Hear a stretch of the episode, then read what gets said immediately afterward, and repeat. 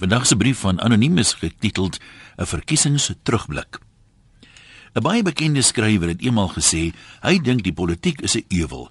Om die waarheid te sê, dit sou vir hom 'n blye dag wees as die laaste politikus verwrig word met die derms van die laaste prokureur. Ek beskik nie oor genoeg feite om oortuigend met hom te stry nie. As ek so terugdink, kan ek ook nie juis politici onthou wat die toets van die tyd deurstaan het nie.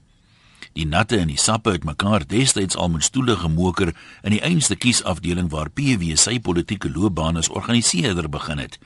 Toe was dit groot sports en deel van die politiek.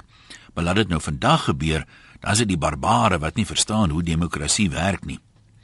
'n Vriend van my se skoonpa was jare der jare 'n LP in 'n veilige nasionale setel, maar ons kon nooit uitvind hoekom nie. Sy skoonma het gereeld gesê al wat die oom uit die, die ooit in die parlement kwyt geraak het, was maak asseblief toe die venster. Suid-Afrika kan nie bekostig dat sy leierskoue vat nie. Die oom het natuurlik driftig gestry en daarop gewys dat hy hom ook een keer 'n diep toespraak gehou het waarin hy die simboliek uitgewys het tussen hulle huiskat en die oppositie. Die kat Die kat het glo te vergeefs probeer vlinders vang, net soos die oppositie die hele tyd mistas na alles. 'n Skoolmaat van my se pa was weer 'n senator deur in die 70s. Die oom kon egter nooit wakker bly tydens gewone sosiale gesprekke nie. So dit was 'n oop vraag of hy enigstens beter sou vaar in die senaat. Dalk het minder mense dit daarom daar agter gekom. Ek wonder hoeveel mense sou steeds in politieke loopbane belang gestel het as politici en predikante dieselfde vergoeding gekry het. 'n Mens hoor daar minder van herders wat oorloop na ander kerke toe as van politici wat groener weivelde soek sodra dinge begin skeefloop in die ou party. Ek het gelees van 'n radioman wat toe politiek toe is gesê het vir die eerste keer in sy lewe gaan hy nou ook geld maak. Ek hoop hy het genoeg gemaak want ek hoor ook hy wil nou blykbaar weer 'n radioman wees. Daar seker politici wat werklik wil veg vir hulle mense se regte, soos wat Emily Hobhouse en Florence Nightingale vir hulle oortuigings gedoen het. Maar sal hulle asseblief na vore kom en verklaar of hulle bereid is om dit steeds vir dieselfde vergoeding te doen as wat Florence Nightingale en Emily Hobhouse gekry het?